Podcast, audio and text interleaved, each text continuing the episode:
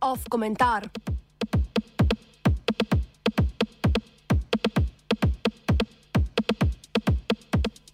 Gospa liberalka.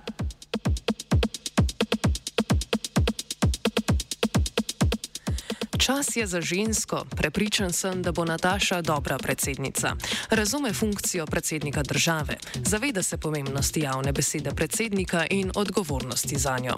S temi besedami je prvi predsednik Republike Slovenije Milan Kučan pred prvim krogom predsedniških volitev prislonil svoj piskarček k podpori predsedniške kandidatke Nataše Pirc-Musar.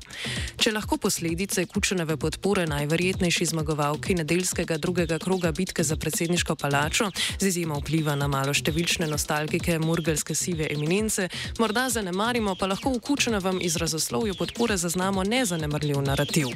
Dejstvo, da se politični veljaki in mediji ob poročanju ali obravnavi Nataše Pirc-Musar osredotočajo na prvovrstnost njenega spola v predsedniški tekmi, je predvidljivo. Podobno kot je predvidljivo to, da pozitivni prednostni izpostavitvi osebne okoliščine ženskega spola sledi tudi njena negacija. To nazorno pove ravno Kučanova formulacija, ki implicitno pravi: Čas je za žensko predsednico, ki razume funkcijo predsednika.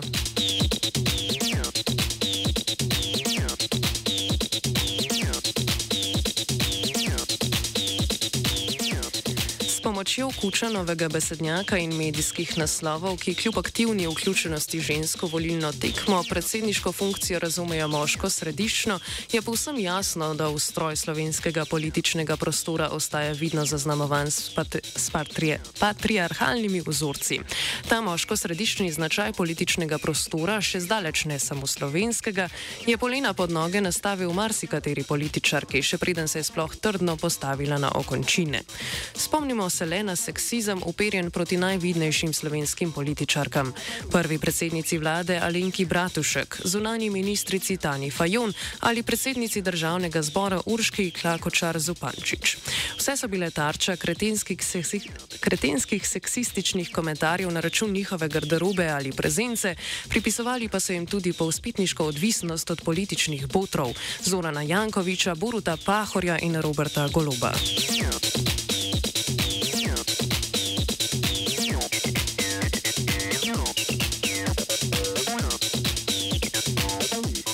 Iz izkušenj seksizma, ki jim je sledilo plehko performativno uporništvo, rdeče petke Urške Klakočar Zupančič, biografija Alenke Bratušek izpod peresa Tadeja Goluba z leopardimi petkami na naslovnici in trend objave nog na družbenih omrežjih v primeru Tanje Fajon, bi pričakovali, da bo podobnega diskriminatornega tretmaja deležna tudi bodoča predsednica republike Nataša Pirc-Musar. Ampak ga v tovrstni brutalni obliki ni. Poprečna meščanska voljivka bi odsotnost seksističnega kretenizma pri obravnavi Pirc Musar utemeljila z njeno neodvisnostjo ali izgledom, ki je denimo bližje železnemu in konzervativnemu videzu Angele Merkel kot ostalim sodobnim slovenskim političarkam. Naivni priročnosti sorodnih argumentov ne okljub pa ti le delno pojasnijo, zakaj je Pirc Musar bistveno manj dojemljiva za diskriminacijo na podlagi njene osebne okoliščine spola, zaradi česar lahko tudi vzdržuje videz pravdarne drže in prodorne retorike, ki je ostale slovenske političarke ne premorejo Moraja.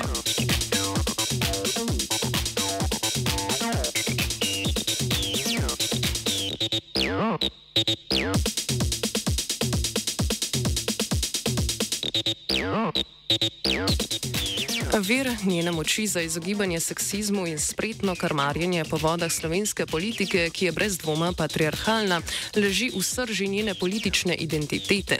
Nemalokrat je namreč ponosno izpostavila, da je liberalka, da se zauzema za temeljne prvine liberalizma, vladavino prava in človekove pravice. Liberalizem Nataše Pirc-Musar je v omenjenem imaginariju slovenskega volilnega sistema prepogosto razumljen kot samonikov, brez ustrezne zgodovinske utemeljitve utemeljitve.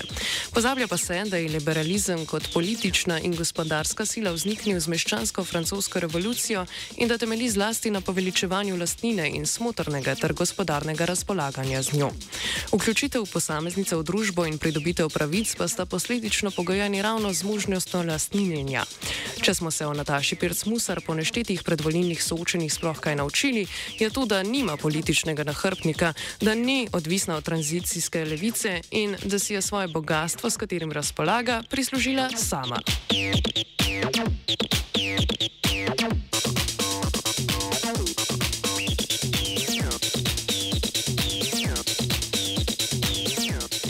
V medijih največkrat izpostavljena kot uspešna odvetnica pooseblja modernistični ideal razsvetljenega meščanskega človeka, čigar življenje je osredinjeno okoli gospodarne skrbi za lastnino.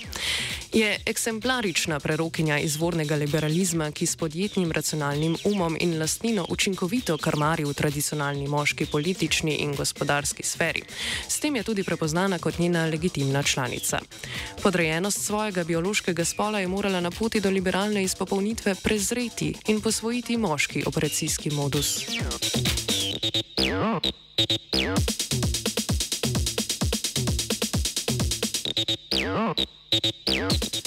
To je na zadnje v intervjuju za Radio Student posredno priznala tudi sama, ko je dejala, da se ženske premalo izpostavljajo in da so za lasten primankljaj izpostavljenosti krive same.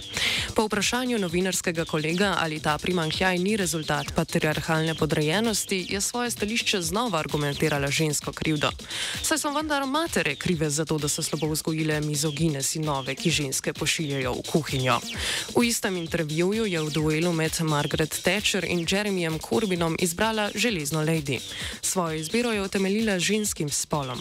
Kot Margaret Thatcher je Nataša Pierce-Musar v politiko vstopila brez privilegija prvega spola in se svojo strategijo trdoživega prilagajanja moškemu mehanizmu profesionalizma uspela dokazati za gospodarno. Mm,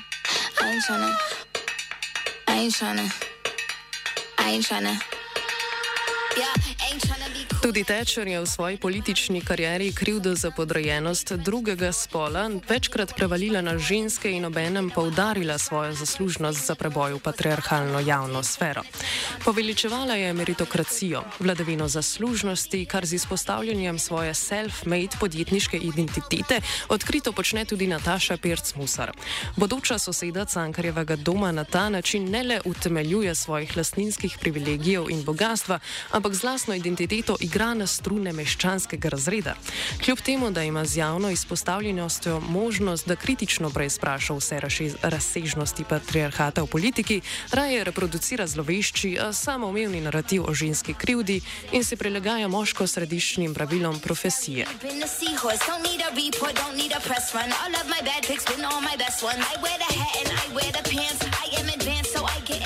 V besednjaku Milana Kučana bo Nataša Pirc-Musar predsednica v funkciji in čevljih predsednika.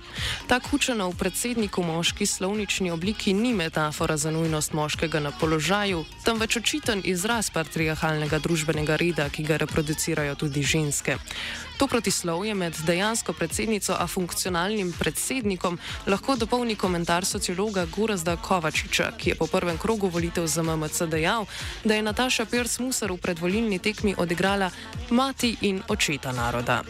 Mati kot kulturno reprezentacijo domovine v primožju očetovske funkcije predsednika. Pozitivna medijska izpostava osebne okoliščine njenega spola oziroma materinskosti v maniri poveličevanja prelomnega momenta prve ženske predsednice je le marketinški simptom liberalizma in meritokracije.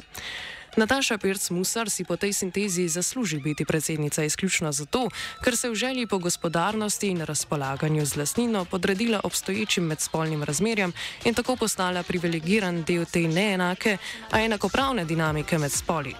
Bodoča rezidentka predsedniške palačije je matriarhalna politična figura v senci patriarhalne nujnosti lastne liberalne drže. I'm a boss, I'm a bitch, and I boss, I'm a shine like gloss. Na volišče ne bo Matije.